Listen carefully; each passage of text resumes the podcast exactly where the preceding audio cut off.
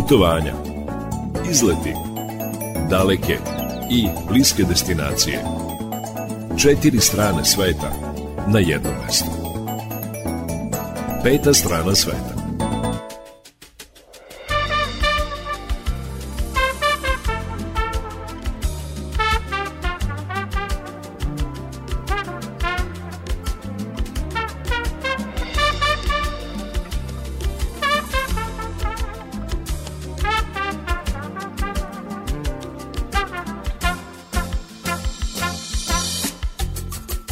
Dobar dan, poštovani slušalci. Pred vama je novo izdanje turističkog magazina Peta strana sveta i mogla bih da kažem da će emisija biti posvećena Japanu i vinu.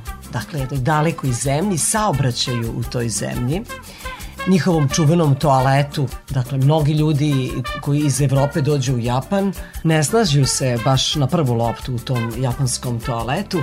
Marija Petrović, koja je rođena i živi u Sremskim Karlovcima, ona se sada usavršava u Japanu i ispričat će nam svoje utiske, kazat će nam kako je to voziti se u čuvenim japanskim vozovima i koristiti taj moderni japanski toalet koji je čak i turistička atrakcija u Japanu.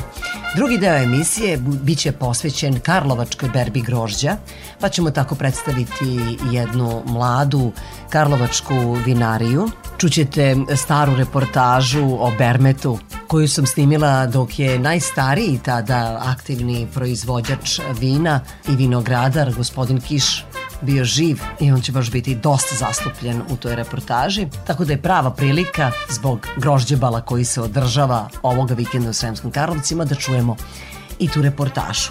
Naravno, najavit ćemo i program ovogodišnje berbe grožđa u Sremskim Karlovcima i aktivnosti turističke organizacije u toj opštini. Na samom kraju emisije čućete i vesti iz sveta turizma. Nadam se da vam je sadržaj emisije dovoljno zanimljiv da ostanete uz Radio Novi Sad. Sa vama će do 18 časova u turističkom magazinu biti muzički urednik Srđana Nikolić, majstor tona Tomislav Tomov, Ja sam Irina Samopjan i volim da kažem na početku emisije neka ovo naše putovanje počne, a ono obično počinje jednom pesmom koja u sebi sadrži putničke motive. Ovoga puta muzički urednik je odabrao na početku pesmu Lonely Road, koju izvodi grupa Everlast.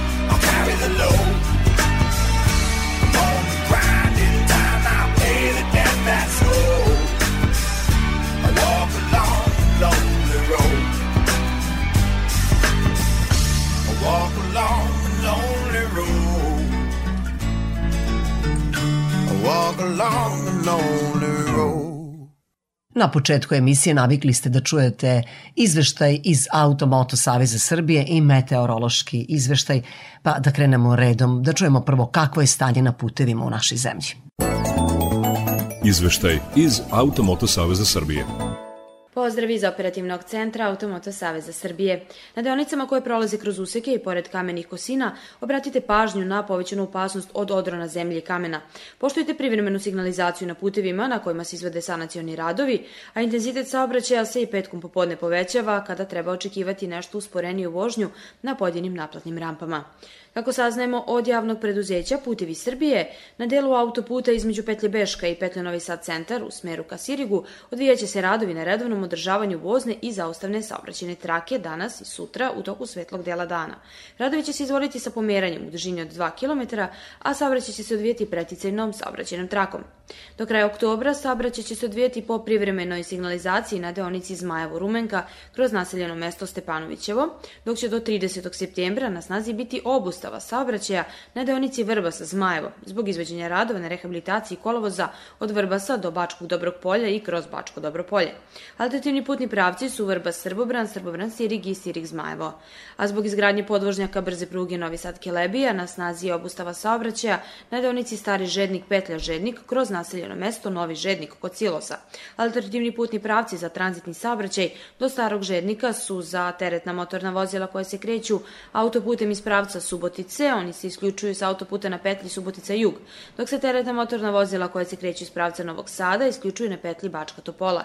Teretna motorna vozila koje dolaze iz pravca Sente koriste put preko Bačke Topole, kao i vozila koje ne koriste autoputa kreću se iz pravca Subotice ka Tornjušu ili Senti.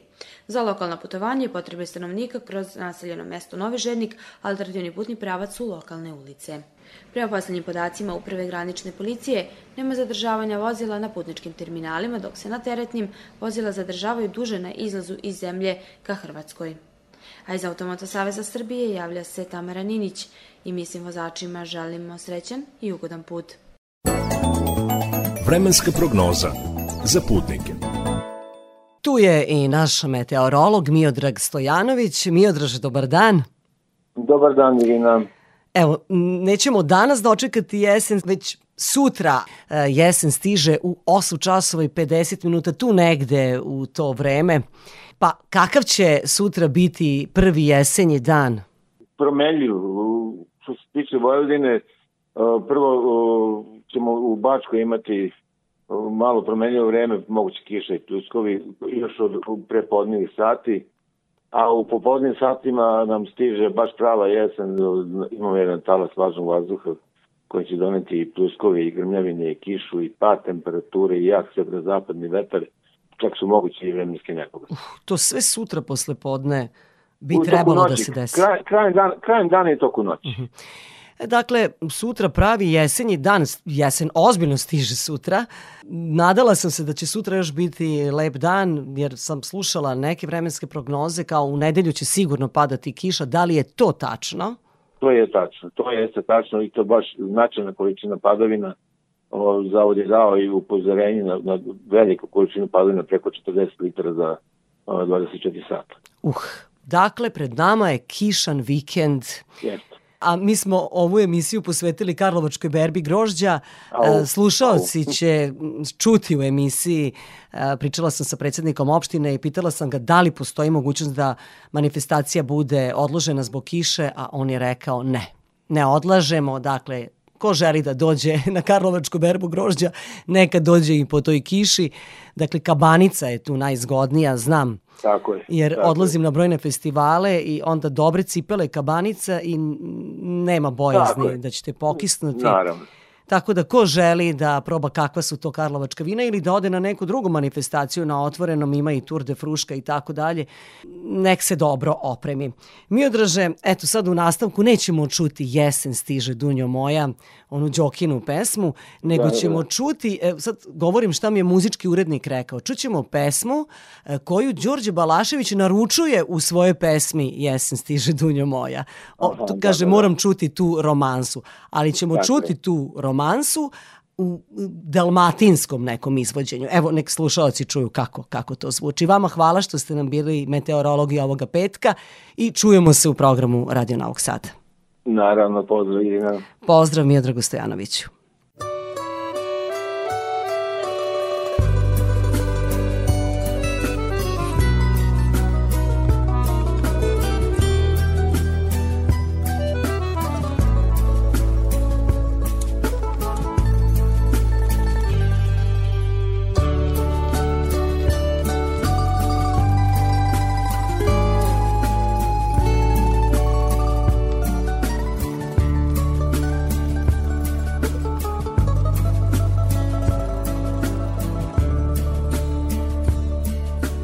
Jesen stiže, dunjo moja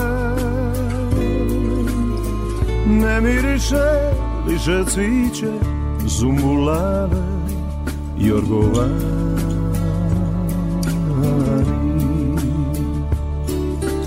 Jesen stiže, dunjo moja Ne miriše liže cviće Zumbulave ljubičice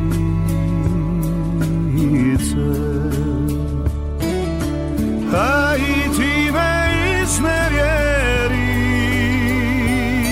Dunjo moja. Otišla si, slavu šuti Lišće žuti.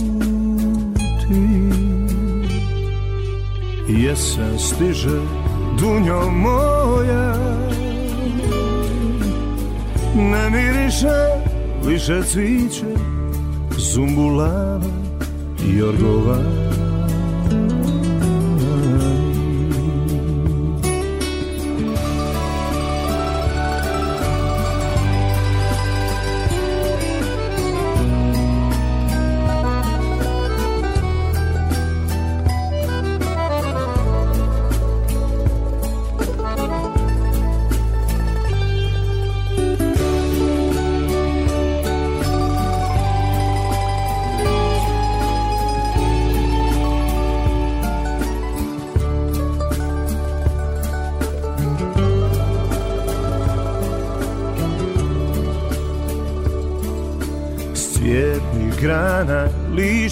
pade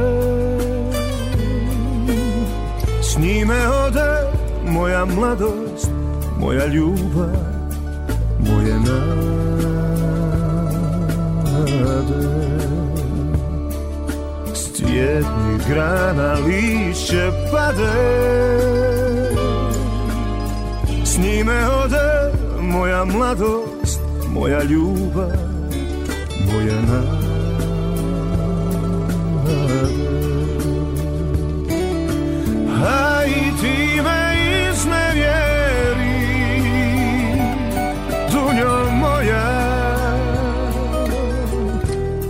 Otišla si, slavu šuti Lišće žuti.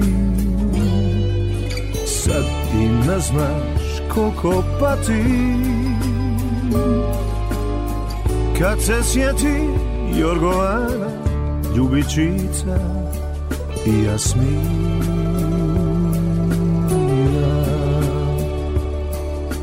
Kad se sjeti Jorgovana Ljubičica i Jasmina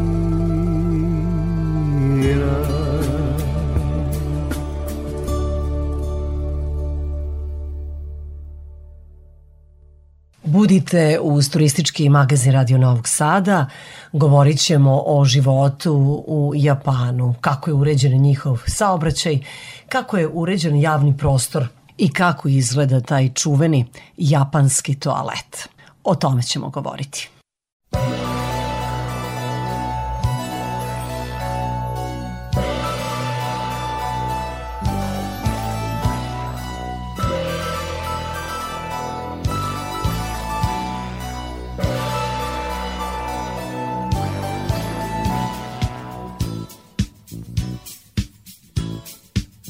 Pamtim još taj sastanak Suze njene rđev znak Reče tata ima posao Ja se selim nije strašno rekao ja Osim parnog vikenda Vidjet ću te stalno, dobro znaš Koliko to želim, moja draga Sad je u Japanu.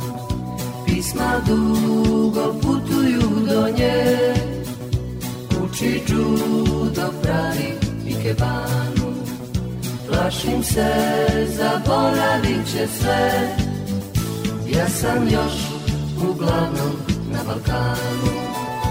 I bez nade da ću proći sve. Da me ona ima još u planu? Ili drugom bezgrešnim sve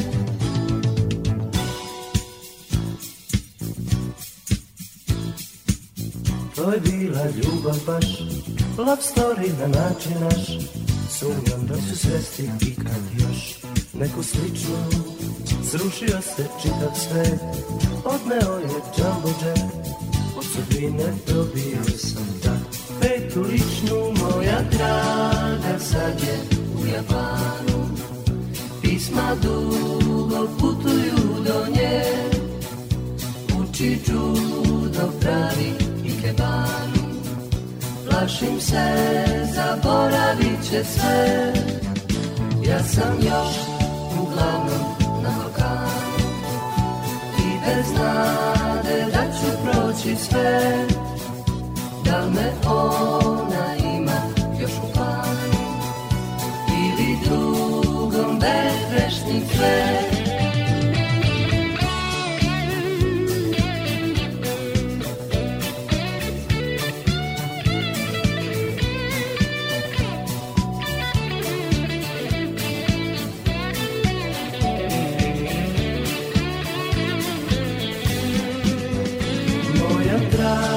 draga sad je u Japanu.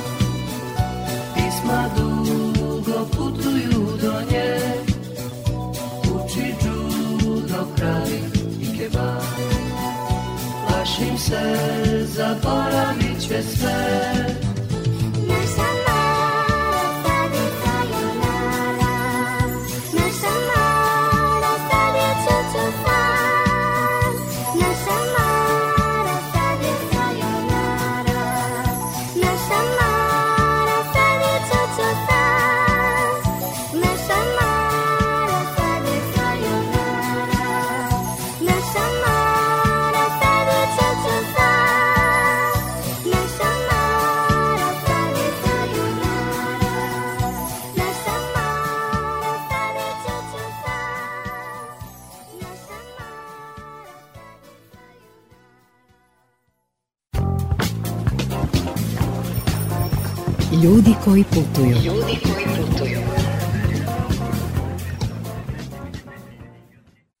Evo nas u rubrici Ljudi koji putuju. Moja sagovornica biće studentkinja arhitekture Marija Petrović.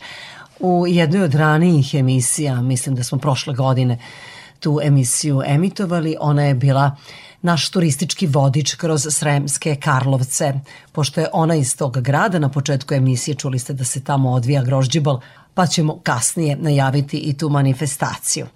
Marija Petrović e, je ovih dana u Japanu, naime već godinu dana ona se tamo usavršava, boravila je u Osaki, u Kyotu, a sada se nalazi u Nari. Mi smo razgovarale o saobraćaju u Japanu i prvo smo pričale o čuvenim japanskim vozovima. Kakav je osjećaj voziti se u japanskom vozu? Te impresije nam prenosi Marija Petrović.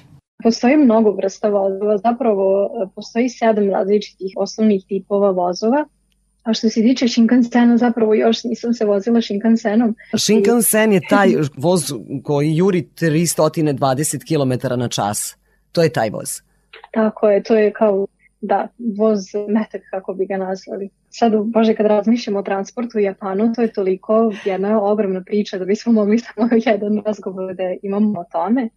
Pored vozova takođe postoji i monorail koji je meni bio u stvari mnogo interesantniji od voza jer sam se vozu već vozila, jel te? Ali monorail je zaista fantastična jedna struktura koja u potpunosti e, ne sprečava ni jedan drugi saobraćaj i nalazi se na tim velikim vijaduktima. I postoje dva različita tipa monorela, jedan je e, monorail koji je kao da kažem kao na šinama poput voza, a drugi je viseći monorail. Tako da je to onako kada prolazite e, ispod monoraila, osjećate se kao da ste u nekom futurističkom filmu iz razloga što vam samo iznad glave prostruji neko vozilo koje niste imali ni prilike da vidite ranije, a što je najinteresantnije ne postoji čak nikakva ni ograda. Tako da čini mi se da onako nekom bi moglo da ispadne neki telefon ili nešto kao na ringišpilu kada prolazim ispod, uvek onako se malo stresem, ali je zaista interesantno i kada vozite se monorailom možete vidjeti takvu predivnu panoramu grada iz razloga što je vijadukt podignut dosta iznad eh, osnovne samobraćajnice kako ne bi ometao druge vrste saobraćaja. Rekla si da ima sedam vrsta vozova, o kojim vrstama je reč, šta ih razlikuje? Što se tiče samih vozova, razlikuje ih e, po tome u stvari koji je, odnosno operator tih vozova. Tako da najpoznatija grupa je, u stvari su, kako se nazivaju, JR vozovi. To je osnovna kompanija koja drži vozove i oni upravo su i poznati po tom Shinkansenu, odnosno vozu Metak, koji je najbrži jel te, voz kojim se možete voziti na svetu i kao takav u stvari povezuje najveće gradove u Japanu. E, Nakon toga imate ekspresni voz koji je takođe brz, ali ne tako brz kao Shinkansen i posebna vrsta je limitirani ekspres koji, kojim se voze samo e, ljudi koji recimo imaju poslove u različitim gradovima i onda im je potrebno da izuzetno brzo stignu do tog grada sa svojim sačuvanim sedištem i rezervisanim sedištem unutar tog voza. Ostali vozovi su malo jednostavniji, tako da e, imamo takođe rapidne, odnosno porapidne i takođe lokalne vozove koji su e, u stvari najsporiji i imaju najviše stanica. Pored toga se razlikuju vozovi koji su napravljeni baš za određene namene, ponekad i vrlo turističke namene. Recimo ima e, voz koji se naziva spavač, Tako da voz spavač u stvari povezuje turistička, bitna turistička mesta u Japanu, ali možete se voziti unutar spavača čitave noći i zapravo spavati u njemu. Tako da vaš kupe podrazumeva u stvari krevet i onako ormariće i zaista možete da se opustite tom vozu i posmatrate kroz veliki prozor pejzaža oko vas dok putujete. Peta strana sveta.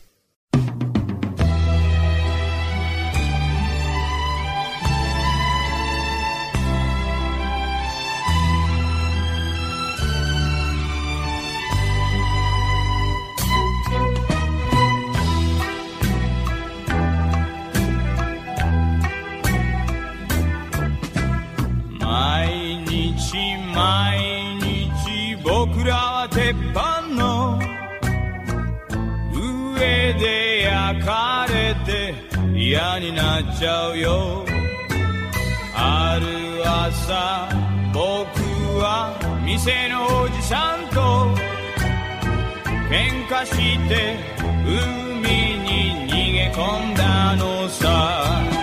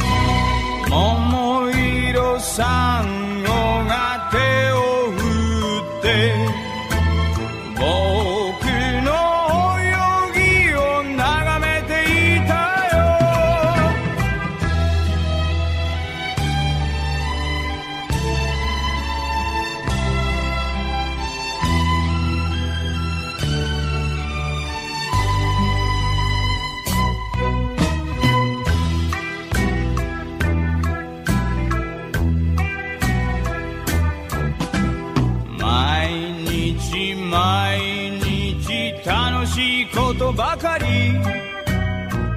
ナンパ船が僕の住みかさ。時々サメにいじめられるけど。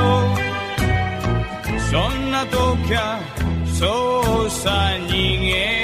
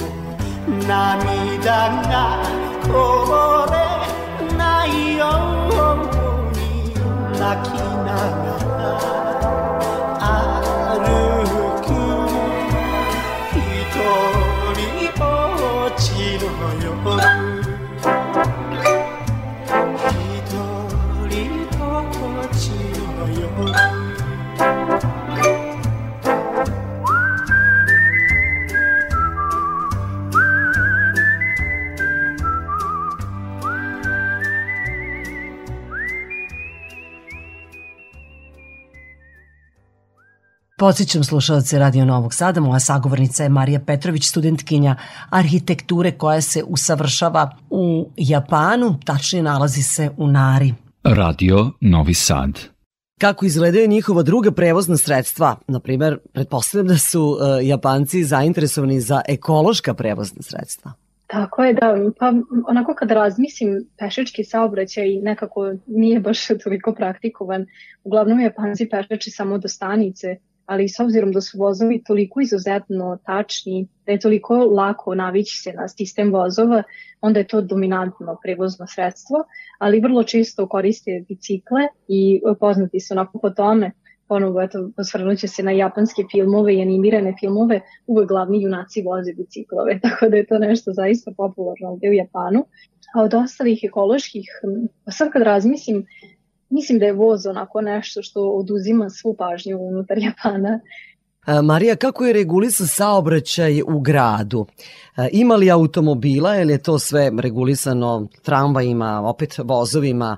Pošto znaš kakva je situacija kod nas, nema mesta za parkiranje, zaista automobili su na sve strane i zakrčili su grad, traži se parking mesto i tako dalje. Pa s te strane kako je regulisan saobraćaj?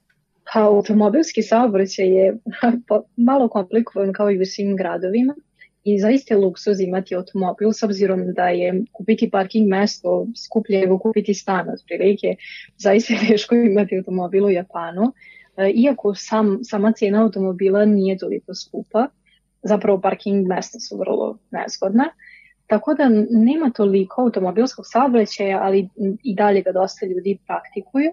Najviše se koristi za neki transport, u stvari ima mnogo više kamiona u mom mišljenju, u mom mišljenju nego što ima automobila, mada ljudi vole prosto taj komfort automobila i Japan je toliko predivan u svakoj različitoj oblasti, toliko različit da ljudi zaista vole to putovanje unutar samog Japana, pa iz tog razloga porodice vrlo često imaju automobil. Kakav je javni prevoz u gradu? Autobus, trolejbus, tramvaj? Javni prevoz unutar grada se ponovo uglavnom bazira na voz. U Kyoto postoji autobus koji vrlo lepo funkcioniše i gotovo da ne kasni. Kasni ponekad, onako samo 5 minuta, što je meni potpuno fascinantno kako mogu da voze tako precizno autobus s obzirom na bus saobraćaj, naročito onako tokom popodnevnih časova. E, autobus nije možda najbolja opcija kada pomislite koliko je u stvari voz podjednako i jeftin i i savršeno tačan, tako da je zaista voz nešto što ljudi najviše biraju. E, U Nari gotovo da se ne koristi autobus ponekada, a u Osaki nikako. U Osaki se vozi autobus, se vozite autobusom samo ukoliko želite da putujete u neki drugi grad. Tako da kao gradski saobraćaj u Osaki autobus baš nećete koristiti. Peta strana sveta.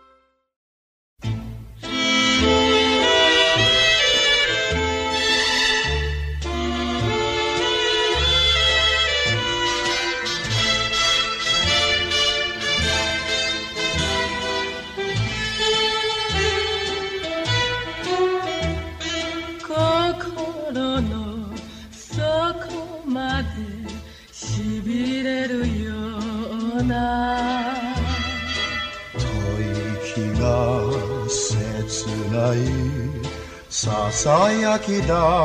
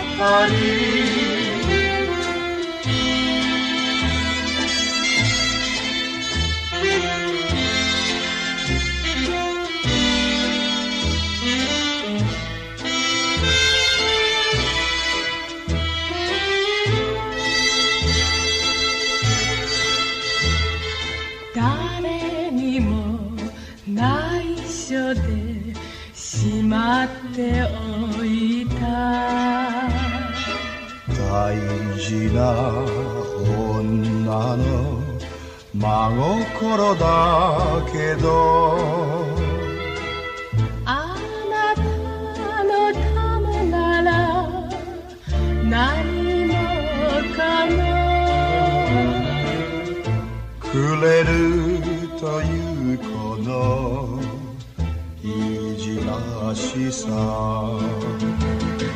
東京で一つ銀座で一つ若い二人の命をかけた。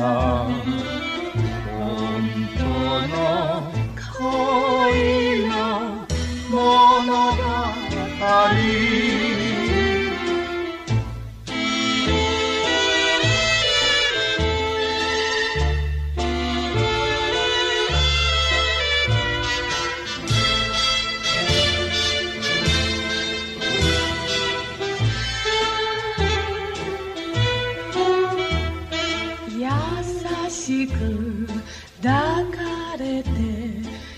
まぶたを閉じて。サックスの嘆きを聞こうじゃないか。明かりが消えてもこのままで。嵐が来た離さない。東京でひとつ銀座でひとつ若い二人が誓った夜の本当の恋物語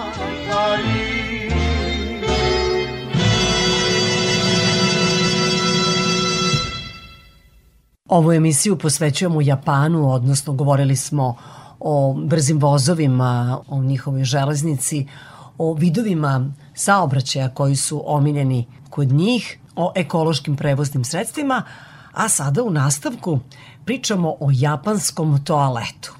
Svoje iskustva iz Japana prenosi nam Marija Petrović, studentkinja arhitekture koja se tamo usavršava. Ona je imala tu čast da u toj dalekoj zemlji pohađa studije u Osaki, u Kyoto, a sada se nalazi u Nari. Ljudi koji putuju. Ljudi koji putuju.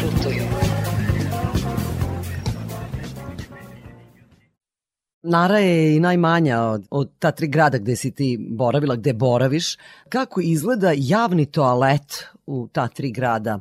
Ovo su odlična pitanja, sva sam onako zaista fokusirana na stvari koje sam imala priliku da doživim. Toaleti javni su ono što mene prvo fasciniralo E, izuzetno zastupljeni i izuzetno čisti. Svaki put e, kada pogledamo onako taj japanski toalet, ja se toliko začudim kako javni toalet može da bude toliko savršen. I ono što je naravno poznato jeste stvari e, sam toalet koji je onako supersonični, odnosno imate različite opcije koje možete da koristite prilikom korišćenja toaleta.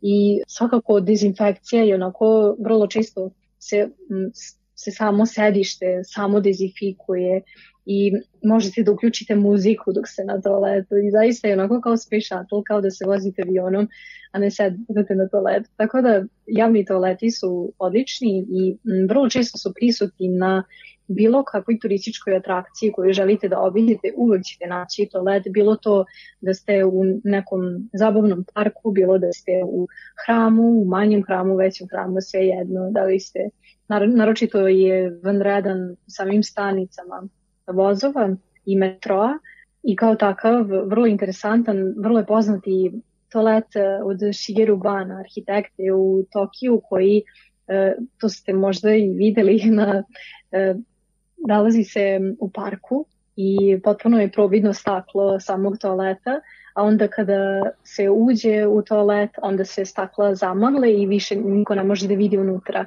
I to je napravljeno u stvari iz sigurnosnih razloga, s obzirom da je to let u parku i da je otvoren 24-7, da se ne biste prosto iznenadili ili da, da se neko ne bi nalazio već u toaletu kada vi uđete, iz tog razloga on bude potpuno providan dok ga niko ne koristi. Tako da zaista sve u Japanu je podignuto na neku, na neku fantastičnu i inovativnu dimenziju.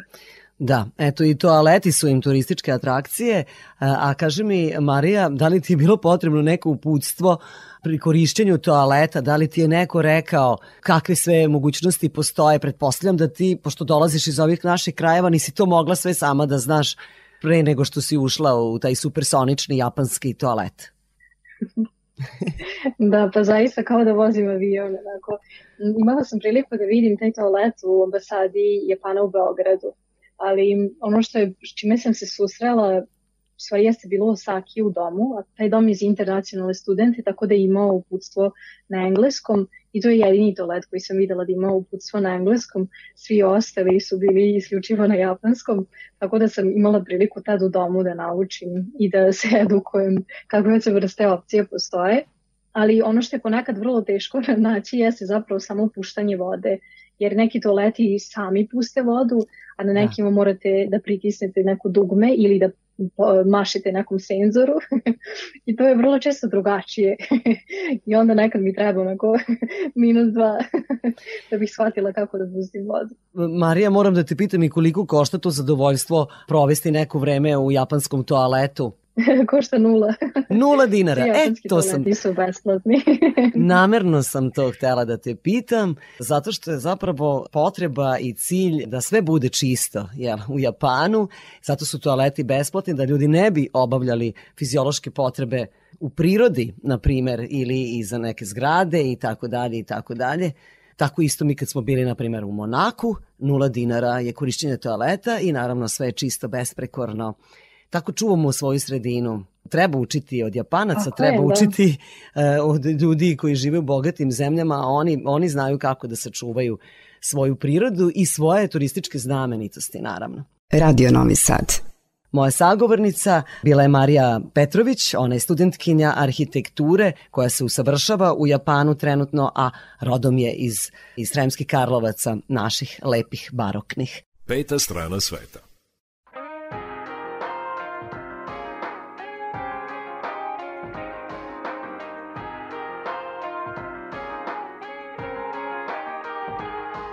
Ne 大好きな君へ笑わないで聞いてくれ。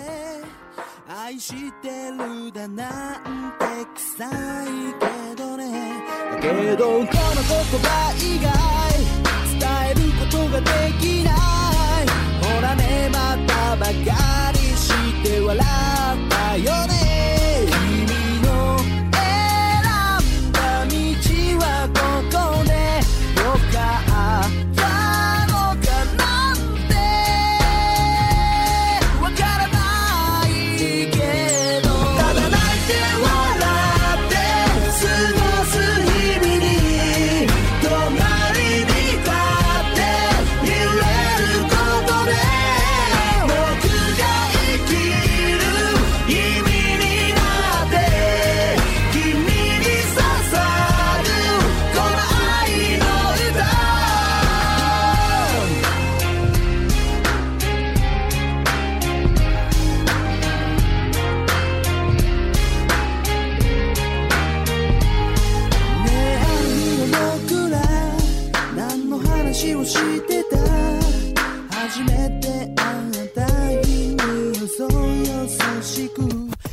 からいろいろあって時には喧嘩も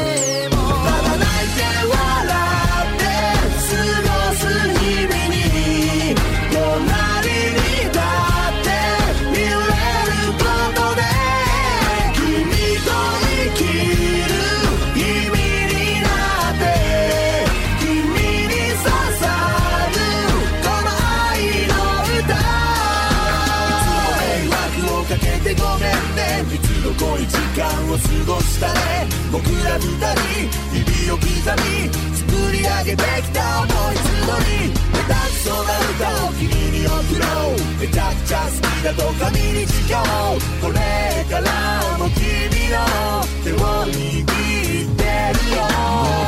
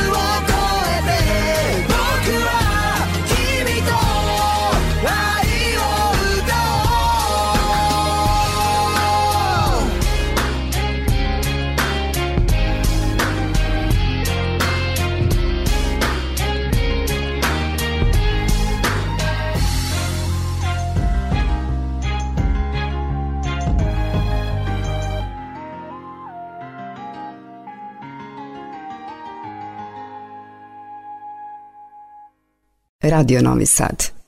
Nastavak emisije namenjen je vinoljupcima. Ovog vikenda održava se čuvena Karlovačka berba grožđa. Prošlog vikenda ste mogli na grožđibalu da budete u Vršcu. Evo, ovoga vikenda u Sremskim Karlovcima. Grožđibal počinje već večeras od 19.30 a udarni dani manifestacije su subota i nedelja. O tome ćemo pred kraj emisije. A pre toga bit ćete u prilici da čujete kakva je ponuda jedne mlade karlovačke vinarije. PR menadžerka te vinarije biće i naš vinski turistički vodič kroz Karlovce. Neće izostati ni priča o karlovačkom bermetu. Budite uz nas.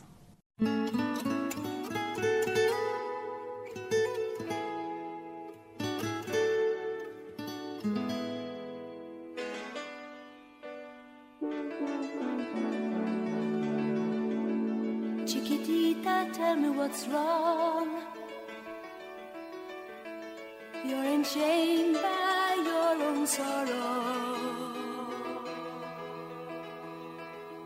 In your eyes, there is no hope for tomorrow.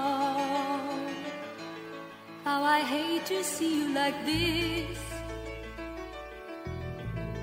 There is no way you can deny it.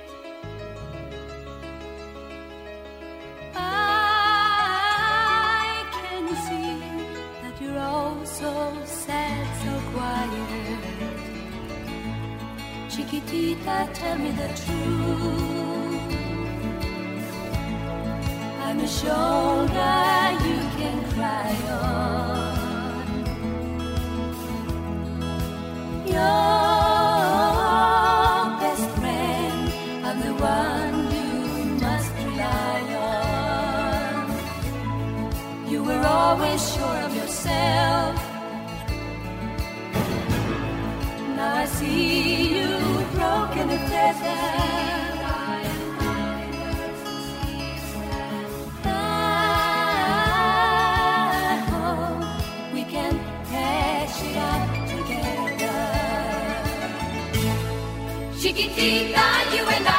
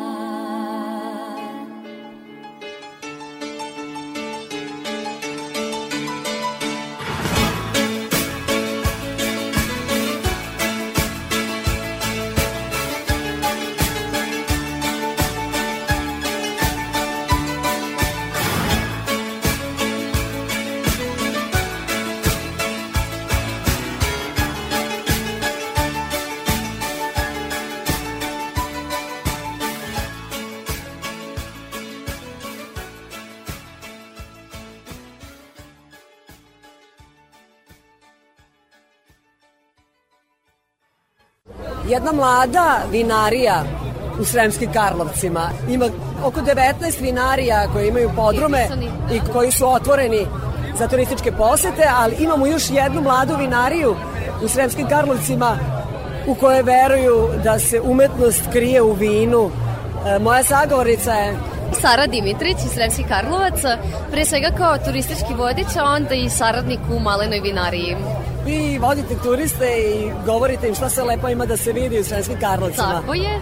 I od kad sve to ima da se vidi, a to je još od trećeg veka zapravo. I sama ideja zapravo mog vođenja jeste nekako da spojim tu istoriju i sadašnjost zapravo i da ih sprovedem kroz sva dešavanja, kroz umetnost koja se upije očima, onda kasnije i ukusima. A evo, pošto ste vi predstavnica vinarije Art et Vinum, da čujemo od kada datira istorija proizvodnje vina u Sremskim Karlovcima. Proizvodnja vina generalno datira još od trećeg veka nove ere i zapravo tog perioda kada Marko Aurelije Probus, rimski vojskovođa, donosi vinovu lozu, sve do dana današnjeg se bavimo uzgojem vina, odnosno uzgojem grožđa. Bitna stavka je da zapravo u jednom periodu za vreme Habsburgske monarhije Karlovčani nisu morali da idu u rat, da budu regrutovani kao vojnici jer je trebalo da se bave svojom zemljom i jedino što su radili što je bio njihov zadatak jeste da plaćaju porez što ne ide u vojsku minijaturni e, taj doprinos i da ugoste svakog vojnika. Od tog perioda zapravo nekako cveta Karlovačko vinogradarstvo i obronci Fruške gore su najblagodatniji jer se spoj Dunava i Dunavske, Dunavskog toka i Fruškogorskog i savršen su spoj za proizvodnju. Artet Vinum je proizvodnja vina na obroncima Fruške gore, ali i pro- proizvodnja umetnosti u pravom smislu te reči i slikarstvo i umetnost kroz vino je spojena. Tako da Art et Vinum, rekli smo da je to nova mlada vinarija u je. Karlovcima. Poznato je da u Karlovcima postoji vinski turizam i da je veoma razvijen, možda čak i najrazvijeniji e, za jedno mesto u Srbiji. Istina. Možda je tu čak i počeo, sad, ako se ne varam. oko Sirmijuma, tadašnjega, sadašnje Sremske Mitrovice je započet zapravo uzgoj vinogradarstva. Tako da i Sremska Mitrovica je dalje poznata, međutim Karlovci je otišao tim istorijskim duhom i e, tim e, jezgrom centra koje je barokno i rokokojično i zato priziva više ljude. Ušuškano između Fruške gore i Dunava nekako prosto je ušuškano i zato to ljude jako privlači. Šta turisti mogu da očekuju kada dođu u Sremske Karlovce i na koji način mogu da posete više vinarija? E, mislim da generalno za turizam, istinski turizam je bitno da se u prostoru ostane dva dana, jer nekako tako mogu da se upoznaju lokalci, bar e, u ta dva dana da se vide tri osobe koje su iz tog mesta i nekako da se oseti tako prostor, a baš tako i kroz više dana mogu da se oprobaju vina, vina jer bitno je da ukus odstoji, bukvalno kao parfem, kada probaš dva, tri u nozdravama ti ostaje i onda prosto kada probaš svaki sledeći deluje ti slično, a zapravo je različito. E, jako lepa stvar u vezi sa karlovačkim vinarima je ta da međusobno potpomažu se i nema one gorde sujete, već svi hvale jedni druge, što je stvarno lepo i svaki vinar ima svoj recept, svaki se hvali svojim tajnim receptom i nekako stvarno bez neke ljutnje preporučujemo jedni druge. Mislim da je to baš, baš lepa stvar u vezi sa karlovačkim vinogradima. I evo za kraj samo da kažemo, kad već pričamo o karlovačkim vinima, onda ne možemo da zaobiđemo Bermet, po Tako kojem su. Karlovci i najčuveniji. I Najčuveniji. bukvalno, ne, ne znam sad da li sam u pravu kada kažem, gotovo svaka vinarija u Sremskim Karlovcima ima svoj Bermet i, i čuva Tako tu tajnu e, kada reč o je. travama koje se stavljaju. Tako je, aromatizovano, lekovito bilje, bitno je da je autohtono, to znači sa planinice, gospođica Fruške gore i svako čuva svoj recept, naravno. To nekako daje e, tu čar, ta tajnovitost obično daje čar, tajni recept. I bitna stavka u vezi sa Berbetom i Karlovcima jeste da on pre, e, postaje prepoznatljiv od strane Republike Srbije i postaje zaštićena vrsta vina, odnosno aromatizovanog dezertnog vina. Bermet je brendirano vino. Tako je. Postoji još jedna priča da se Bermet pio na Titaniku, onda je kao uh, i demistifikovana. I sad šta vi kažete, ili dalje pričate turistima da, da se pije na Titaniku? Često zaboravim to da kažem zato što onako nekako sam više na polju, ali kad uđem u vinariju, vinari se kao Saro, zar nisi rekla da je bio i na Titaniku. Volimo te priče koje svaka legenda ima korene istine, tako da verujem da je neka verzija toga stvarno istinita. Bitna Hvala. stavka, da, zašto samo zaboravih ono što predstavljam, zašto Art Atrinom je zanimljiv, e, zašto je zapravo drugačiji, to je zato što je galerijski prostor i degustacioni.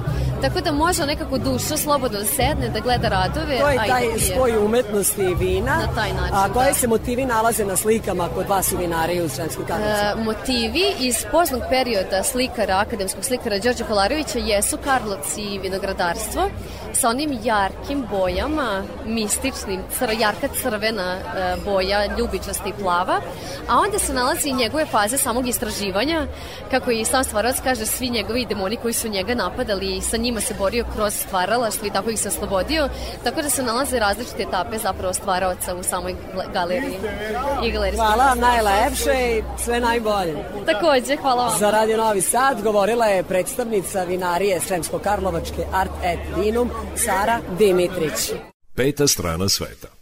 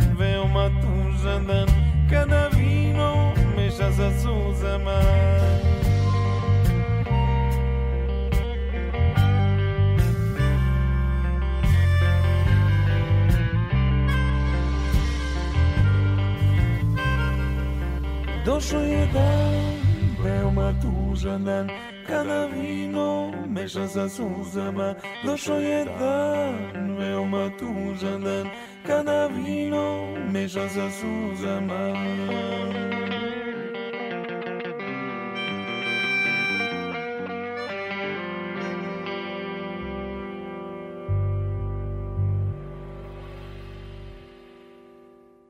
Radio Novi Sad.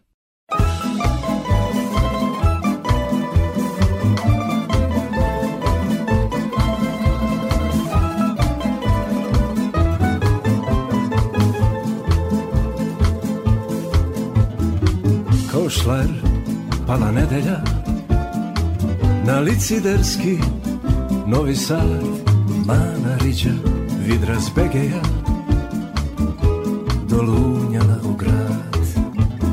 Tri se noći potom smucala Po zatonima moga sna Koliko vrški je razbucala To samo ona zna To doba mesečarim Krenem šorom pa svečarim Čule bande pa mi o glavi rade.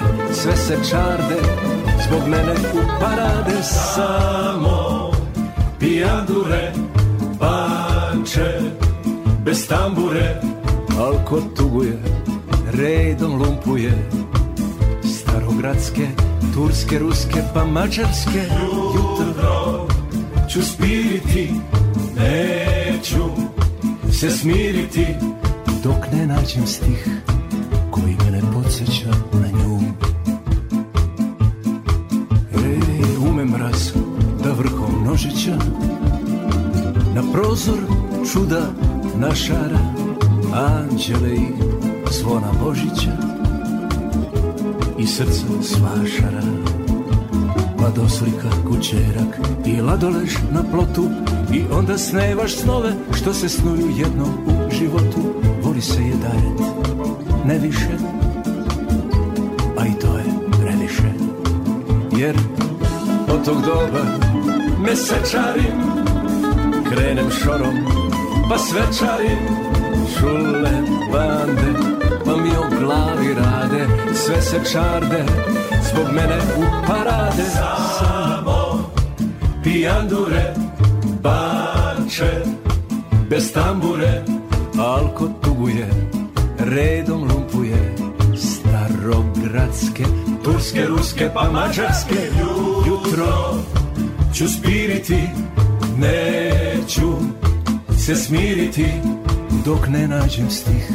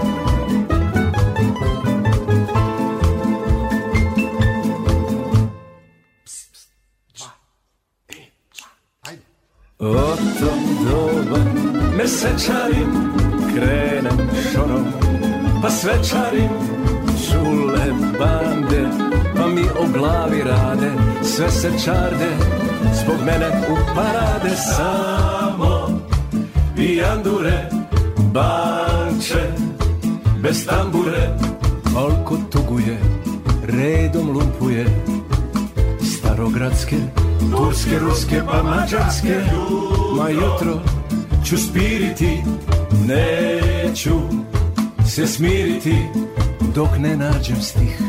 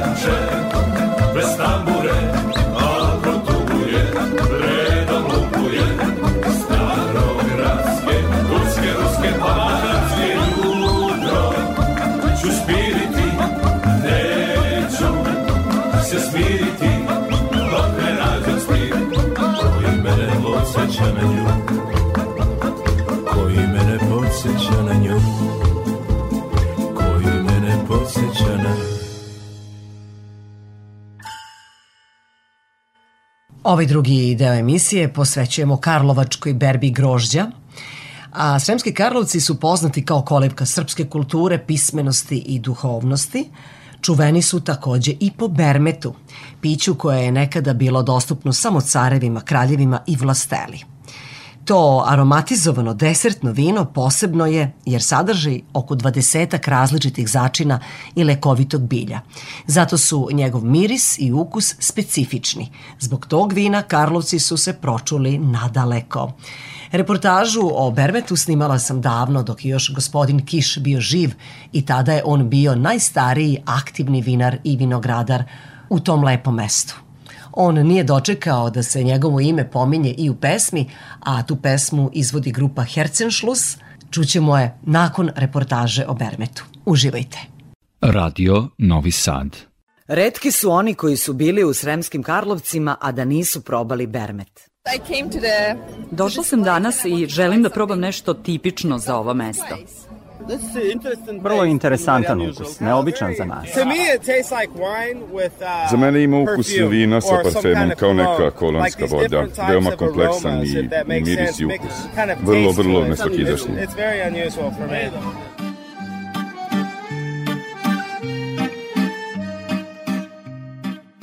Ovako su na Karlovački bermet reagovali Englezi i Amerikanci koji su na ovogodišnji grožđeval došli između ostalog i da bi probali to čuveno vino kojeg gotovo i nema u inostranstvu. Najstariji sremsko-karlovački aktivni vinogradar je Slavko Kiš, čija vinarija datira iz 1830. godine. Svako ko pravi bermet pravi ga na svoj način. Ne postoji jedinstven recept. Slavko je učio od svog oca. Osnova je vino, uz dodatak e, naravno šećera i alkohola i onda dvadesetak razni semenki, plodova, bilja, ne mogu da vam kažem, to i cimeti i vanilija, oraščići. Sve te najlepše stvari koje idu u stvari najbogatiju tortu, zato se kaže da taj bermet ide uz kolače. Liska se pomalo. Naziv bermet nastao je od imena nemačkog pića vermet ili vermut – Istoričar i direktor Srpske akademije nauka i umetnosti u Sremskim Karlovcima Žarko Dimić priča nam da se taj napitak pominje u zapisima još u 17. veku. Bermet svoju tajnu prvu iznedrio u mračnim i toplim podrujima patrijašijskog dvora u Sremskim Karlovcima.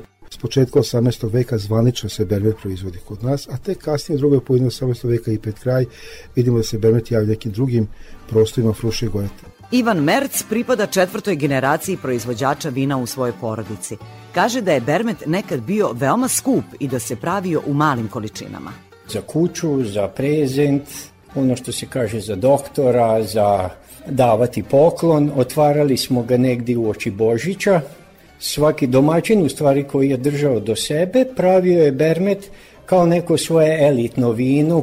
Zna se da su se neke karlovačke porodice, kao što su porodice Rajačić, Burna, Marinković, Kostić, Avakumović, obogatile i postale slavne prodajući to vino, kaže nam Dimić. Pa mislim, pazite, Bermet nije mogo da plati svako. Znači, Bermet je sko- koštao po desetak puta je bio skuplji od boce vina. I to starog vina. Da Bermet je morao da stoji bar godinu dana u velikim ogromnim kacama da je stavljena trava, suvo grožđe, tako da i to se stiskao on se otpuštao preko jedne slavine, to što iscuri, to je to. To je pravi bermet. Porodice su recepte za spravljanje tog napitka čuvale kao zmija noge. Slavko Kiš veruje da je njegov bermet brend vinarije Kišovih. Ko koliko meče bilja, tu jeste tajna. Nije tajna više šta treba metnuti nego koliko. Pošto mi imamo i najduži staž, mi smo uspeli kroz te eksperimente da ga doterivamo i sad smo došli pred deseta godina do nečeg da je to standard. Nekad je to desertno vino sadržalo veću količinu bilja i začina i nije opstajalo na visokim temperaturama. E sad se bermet e, proizvodi i troši cijele godine. On mora sada da se održi na visokim temperaturama. E onda tu mora da bude dignut alkohol na ti 17 da ne može doći do fermentacije. Nije mu se promenio ni oblik, ni ukus, ništa, samo snaga koja će ga sačuvati leti.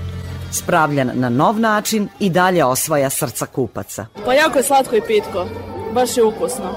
Inače ne pijem vina, ali jedino ovo što kupujem i to nakupujem na grožđembalu i onda sam mirna godinu dana. Stvarno je kvalitetno i dok piješ stvarno ima neka punoća i miris je fenomenalan.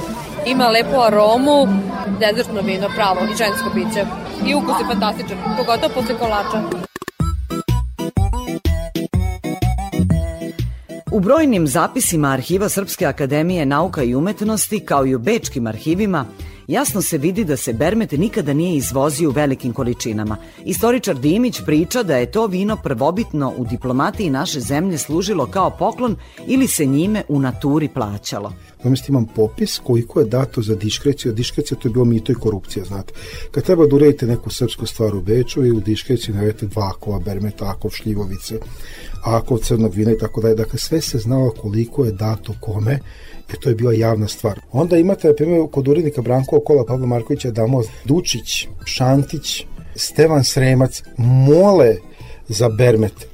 Tako da je taj urednik bio pametan pa imao svoj vinograd, pravio svoje vino i pravio svoj bermet koji je delio prijateljima i mnogo toga svršavao ne dajući honorar zahvaljujući vinima koje im je dao. A oni su živeći u Beogradu i većim centrima i ne znam Šantiću, Mostaru širili slavu tog vina. Sumnja se u istinitost one čuvene priče da se Bermet nalazio na vinskoj karti Titanika, ali zato najnovija istraživanja istoričara Dimića govore da je to karlovačko piće stizalo i do Napoleona Bonaparte. Kada je Austrija kapitulirao i Franc prvi se neko je povukao, Francuzi su osvojili Beč, velika grupa, to je veliki broj srpskih oficira i vojnika koji su bili u redima austrijske vojske, postali su deo Napoleonove carske armije, koji išao, znate li, neslavan pohodi na Rusiju i u tom pravcu su Srbi dovlačili i slali vino i Francuzima. Vinogradar se svojim poslom bavi preko cele godine. Zato taj posao nije ni malo lak. Zbog povoljnih uslova u Vojvodini vinogradarstvo treba razvijati. Tako misli direktor Pokrajinskog fonda za razvoj poljoprivrede Jožef Sabo. On kaže da je danas lakše nego nekad jer postoje mnogi podsticajni krediti. Na tom putu mogli bismo slediti primer Austrije. Austrija posle ulaska u Evropsku uniju znači imala svoju kvotu. Ona je još podigla 13.000 hektara plusa mimo te kvote. Pa šta je kvota? Kvota je jedinica za trgovanje. Oni su kupili kvotu od Grka. Isto tako. I mi bi trebali tim putem da krenemo, da iskoristimo tu mogućnost, pa ako e, je ne iskoristimo, mi ćemo tu kvotu nekom ustupiti. Između ostaloga, u Evropskoj uniji se i za krčenje vinograda daju posticajna sredstva. Za sada se ne menja praksa u Sremskim Karlovcima. Bermet je još najautentičniji poklon iz tog mesta. To nam potvrđuju i Dimić i Kiš, koji je jedan od redkih izvoznika, do duše malih količina tog pića u zemlje regiona. Nema Karlovčana koji će otići na Osađenu ili ne znam Bukovčanu ili u Beograd na slavu, a da ne ode sa bocom Bermeta. To se u suštini očekuje, to se traži u njih. Mi smo s našim Bermetom postigli da je kao poklon, da je otišao po celom svetu. Od Japana i Kine pa do Južne Afrike, u Ameriku, pa u Južnu Ameriku, pa ovamo po Evropi, ne znam. Ima naši ljudi svugdje. U svetu je danas velika ponuda vina i zato se traži originalnost. Upravo to i nudi Sremsko-Karlovački Bermet.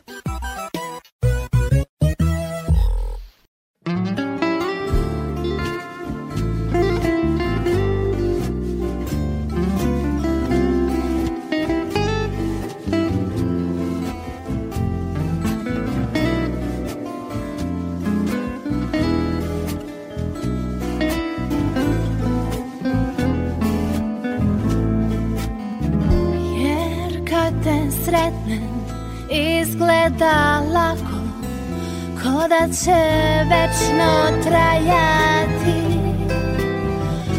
Al onda srce zakuca jako Ne ume ništa kazati. Ne sklanjam pogled ni osmeh s lica I tražim reči, al nem je glas? I sva treperi kod se svica Počinjem nemi igrokaz. Ko bolje maka se zarumeni Pa mi na obraze juriša. Ta čudna vatra čarobne slasti Kao berme bosan kiša.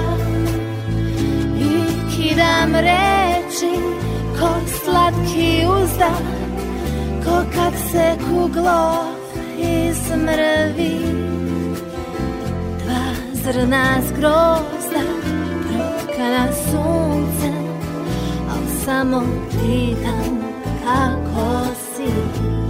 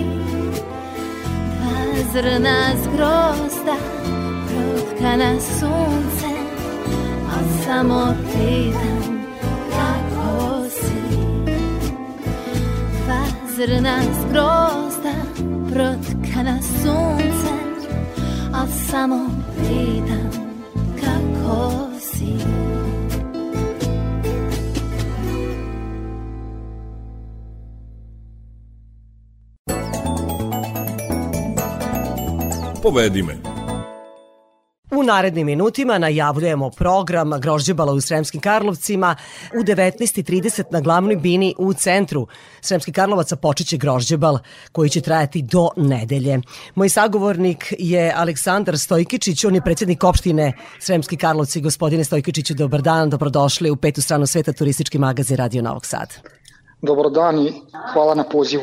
Živo nas zanima da saznamo kakav će biti program. Znam da ste ove godine pripremili e, mnogo toga za najmlađe, a opet oni koji vole vino, bit će tu i dovoljan broj izlagača da podmiri potrebe vinoljubaca i naravno za kraj e, rock and roll program, ako mogu tako da kažem, i subota i nedelja. Pa evo izvolite, predstavite program ovogodišnje berbe grošća. Pa, Karlovačka berba grožđa biće bogata i kako kulturno-umetničkim programom, tako i program za porodice i, i decu i naravno u večernjim satima program namenjen najviše mladima, ali i svima onima koji se tako osjećaju.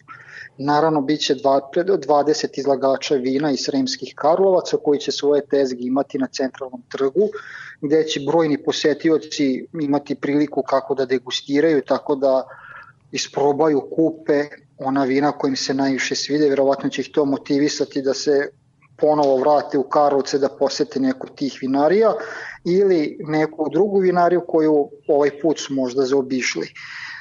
Sama manifestacija, kako ste najavili, počinje sa našim folklorašima, što će biti uvod u svečano otvaranje koje počinje u 20.30, koje će otvoriti naš karlovački glumac Šaca, a e, naravno praćeno vatrometom, a toga nastup estradne umetnice Ane Bekute. Za subotu i nedelju smo pripremili jedan bogati program koji kreće od popodnevnih časova i traje do poslepodnevnih časova do početka do tonskih proba.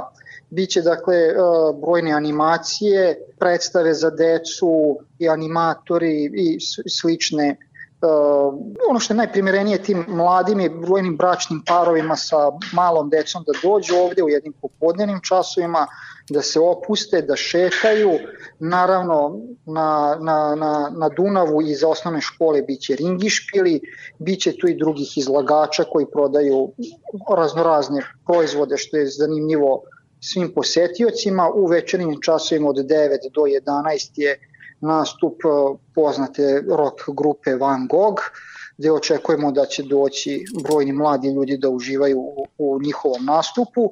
Isto tako u nedelju da porodični ljudi iskoriste svoje slobodno vreme, da, da vreme provedu u Srenskim Karlovcima, da obiđu brojne izlagače, ali da svoju decu, mlade, ili ako dođu sa bakama i dekama, imaju gde da, da zabave, da, da vide program, i naravno opet u večernjim časovima, ovaj put nešto ranije, od 20 do 22, nastup Đurđa Davida sa Ivanom Peters.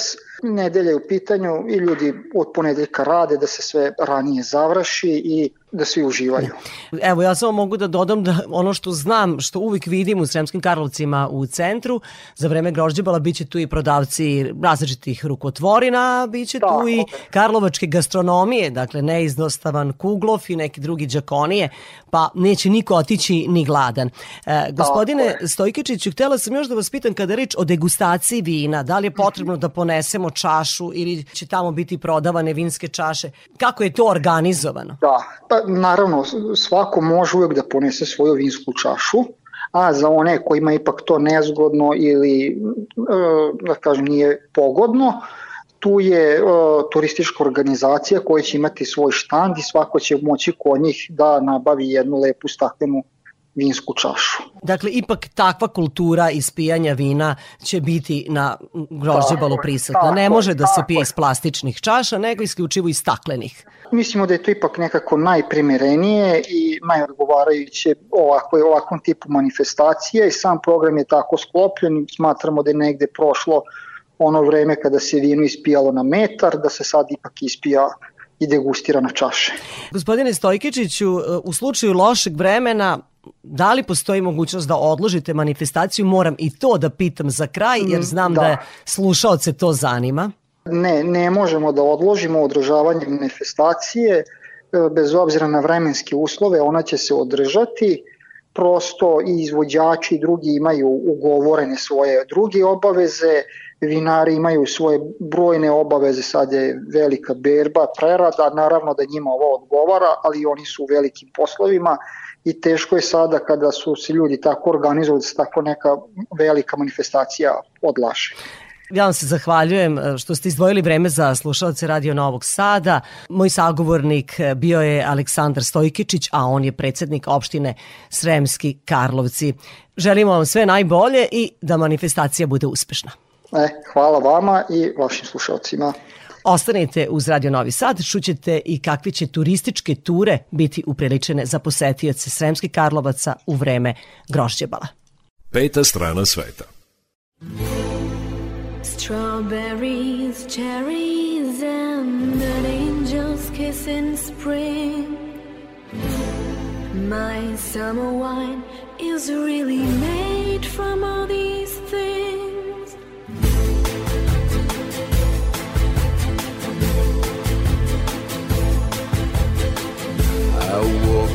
town on silver spurs that jingled too.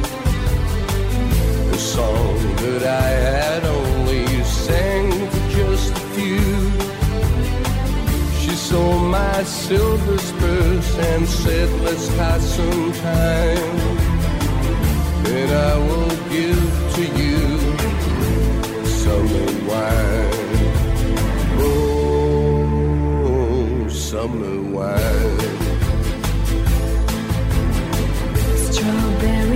Cherries, and an angel's spring. My summer wine is really made from all these things. Take off your silver spurs and help me pass the time. And I will give to you summer wine. Oh, summer.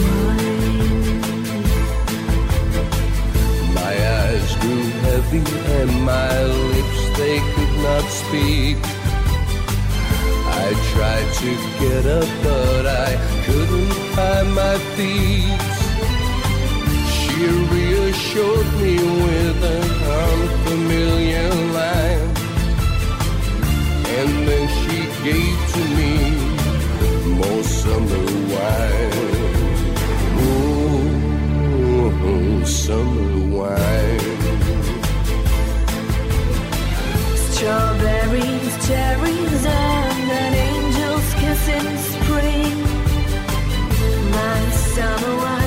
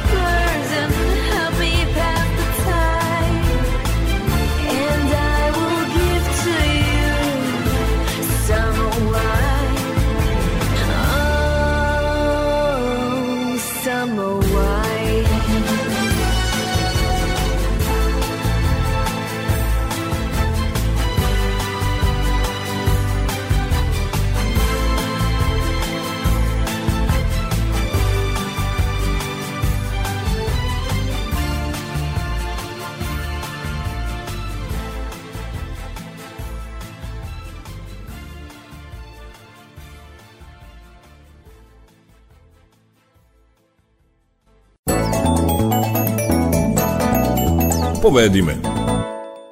Povodom grožđebala, tradicionalne manifestacije posvećene vinu i vinogradarstvu, biće vođene i turističke ture, a to organizuje turistička organizacija Sremski Karlovac. Sa nama je Aleksandra Nešić koja radi u turističkoj organizaciji e, opštine Sremski Karlovci. Aleksandra, kada kreću turističke ture u subotu i nedelju? Mi ćemo i ove godine, kao i prethodnih, organizovati obilaske grada sa lokalnim vodičima u 13 i u 15 časova. Znači, organizujemo turu u okviru koje će svi posetioci imati priliku da uđu u Karlovačku gimnaziju, da vide svečanu salu i spomen biblioteku, odnosno najstariju biblioteku u Srba, zatim u saborni hram Svetog oca Nikolaja, e, potom u Bogosloviju, takođe drugu Karlovačku školu, ali ne manje bitnu, koja je od prošle godine otvorila vrata za turiste i posetioce i sve to naravno sa našim lokalnim vodičima koji će vam na interesantan način prezentovati mesto i uopšte bogatu istoriju Sremskih Karlovaca. Karte za ovaj obilazak prodaju se po ceni od 400 dinara i mogu se kupiti u turističkoj organizaciji koja će raditi svih dana tokom održavanja Karlovačke berbe. Dakle, i u subotu i u nedelju će raditi turistička turistička organizacija Sremski Karlovac, to je u centru, je. kod Česme Tako 4 je. lava. Eto, Na da, samom da, pri- trgu preko puta Česme 4 Tako lava. je. A kada je reč o turističkoj ponudi Sremski Karlovac, da li turistička organizacija vaša priprema nešto novo za jesen? Uh, nama se tek završila ovaj, letnja sezona u kojoj smo bili veoma aktivni.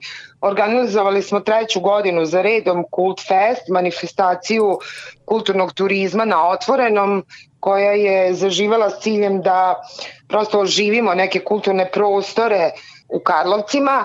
Uh, kreće nam jesenja sezona, idemo ponovo sa objedinjenom ulaznicom koja se pokazala izuzetnom. Imali smo više od 70% povećanje prometa u ovoj godini u odnosu na prethodnu, tako da za sada onako kako smo radili nastavljamo punom parom, pa vidjet ćemo tamo na zimu šta ćemo pripremati, a sigurno da će biti nekih novina. Da podsjetimo slušalci Radio Novog Sada, šta podrazumeva objedinjena ulaznica, dakle obilazak kojih destinacija u Sremskim Karlovcima? Objedinjena ulaznica podrazumeva vođenu turu, odnosno turu obilaska grada sa lokalnim vodičima, koja traje sat i 15 minuta i u okviru koje e, se posećuju četiri objekta. Znači svi posetioci, turisti koji kupe kod nas tu objedinjenu ulaznicu imaju priliku da uđu u Karlovačku gimnaziju, da vide svečanu salu i spomen biblioteku, zatim u saborni hram Svetog oca Nikolaja, riznicu u Patrijaršijskom dvoru ili da kažem muzej, muzejsku postavku Srpske pravoslavne crkve i bogosloviju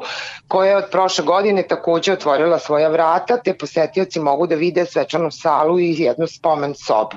Pretpostavljamo da će biti gužva u Sremskim Karlovcima, uvek bude za grožđe, bal, a, Pa znate kako, gužva će sigurno biti, ono što može da bude i problem ove godine jeste da zbog rekonstrukcije jedne deonice magistralnog puta koji ide pored Sremskih Karlovaca je izmenjen režim saobraćaja i praktično vozila koja dolaze iz pravca Indije i Beograda ovim starim putem ne mogu više da idu tim magistralnim putem do parkinga, nego praktično moraju da uđu u grad i sad tu se prave velike gužve. Naša preporuka kao turističke organizacije je svakako da svi oni koji su u mogućnosti e, dođu vozom iz Beograda ili iz Novog Sada. Vozovi idu malte ne na svakih sat vremena, poslednji polazak za Novi Sad je gotovo u ponoć, za Beograd čini mi se taj Interreg negde oko 9 časova, u svakom slučaju red vožnje je dostupan i može da se proveri na sajtu Železnice Srbije. Tako da svakako kažem preporuka je da dođu vozom i da dođu, na, nađu neke druge načine, alternativne, jer e, kad je u pitanju automobilski saobraćaj sigurno da će biti i velike gužve, ali i problema zbog prolaska kroz samo mesto, jer prosto nisu svi ni upoznati jel, sa Tako je, i parking je takođe problem, kao što je to veliki problem i u Novom Sadu, a Tako je, vozom se zaista najbrže stiže za nekih desetak minuta, vi ste u Sremskim Karlovcima i izađete i već ste u samom centru i ispred glavne bine. tako. Upravo tako. Ja se zahvaljujem Aleksandri Nešić, koja radi u turističkoj organizaciji Sremski Karlovaca. Želim vam sve najbolje. Hvala takođe. Peta strana sveta.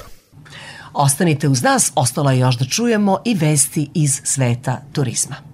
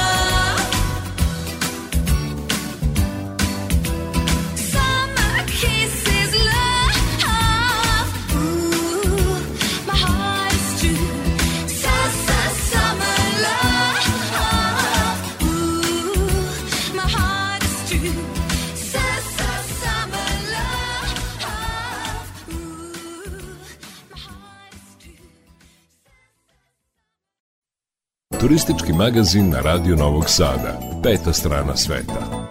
Evo i vesti iz sveta turizma.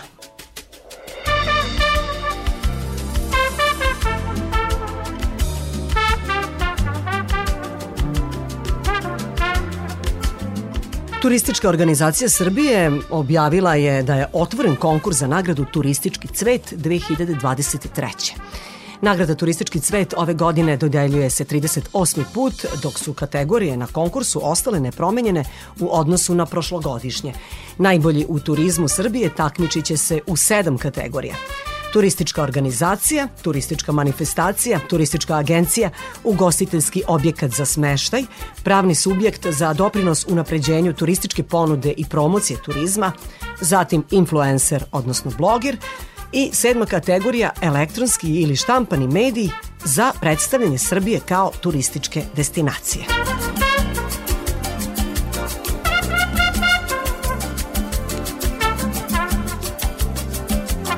Kada reč o putovanjima, evo koje su zemlje najskuplje i koje su najjeftinije, o tome piše B92. Potražnja za putovanjima porasla je za 19% u odnosu na prošlu godinu uprkos poskupljenjima. Ubedljivo najskuplja zemlja za kratke posete prethodnih 12 meseci bila je Monako. Iako je možda druga najmanja zemlja na svetu, Monako ostaje veoma popularna destinacija za putovanja bogatih i slavnih. Prosečna cena prenoćišta bila je 338 evra.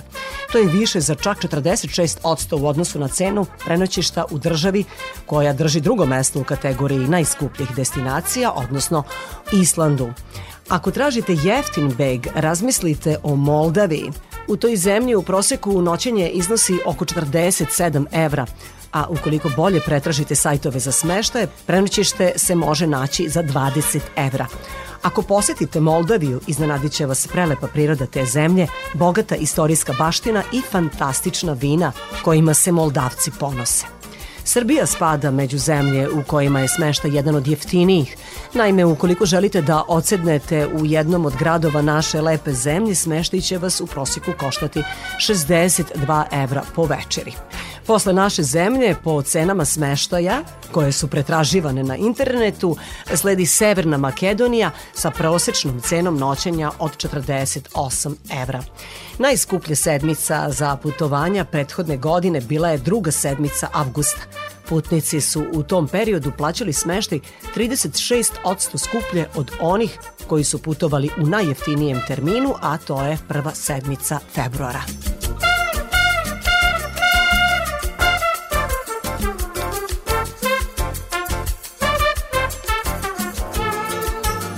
I izvor ove poslednje vesti je kliks.ba. Ukoliko želite da izbegnete gužvu na svom narednom putovanju, sledeće lokacije bi trebalo da zaobiđete. Naime, studija kompanije moneytransfers.com objavila je 10 najpretrpanijih turističkih odredišta, a listu predvodi Phuket na Tajlandu.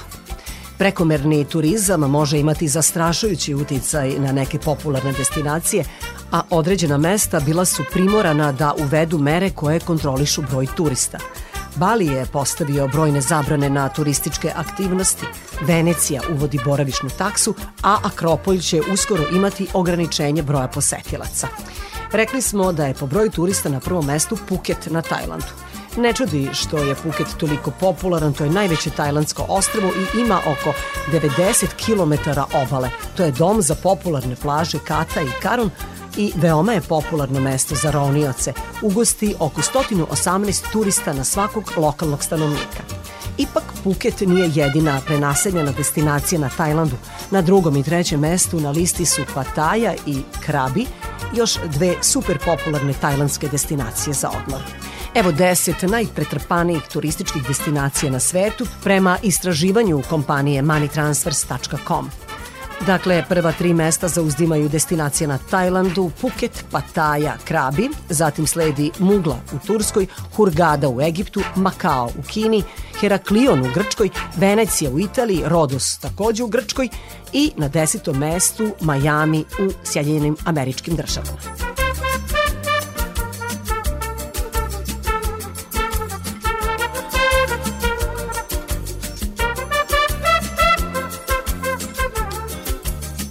Bilo je to sve poštovani slušalci što smo vam pripremili u ovom izdanju turističkog magazina Peta strana sveta. U 18 časova su naše najnovije vesti, a potom i naša najstarija muzička emisija Randevu sa muzikom. Sa vama su ovoga petka bili muzički urednik Srđan Nikolić, majstor tona Tomislav Tomov, ja sam Irina Samopjan i želim vam srećan put.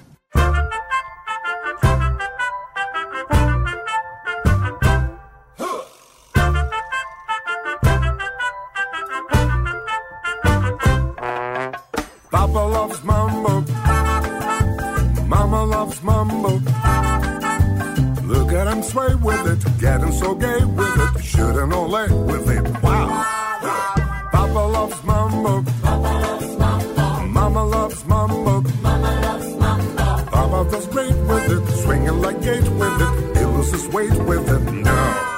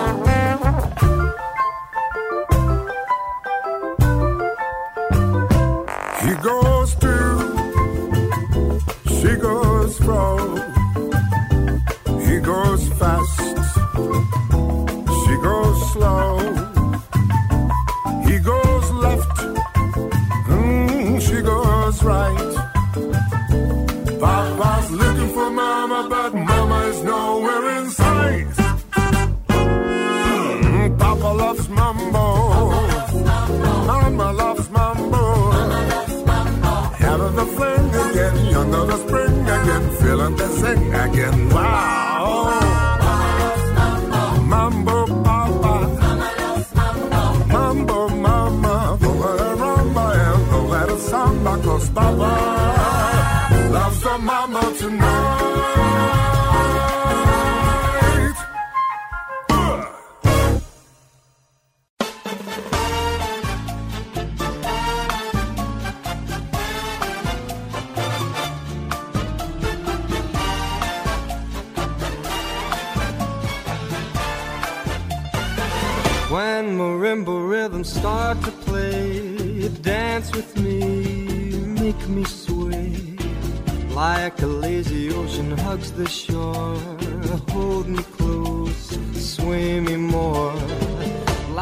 Flower bending in the breeze, bend with me, sway with ease.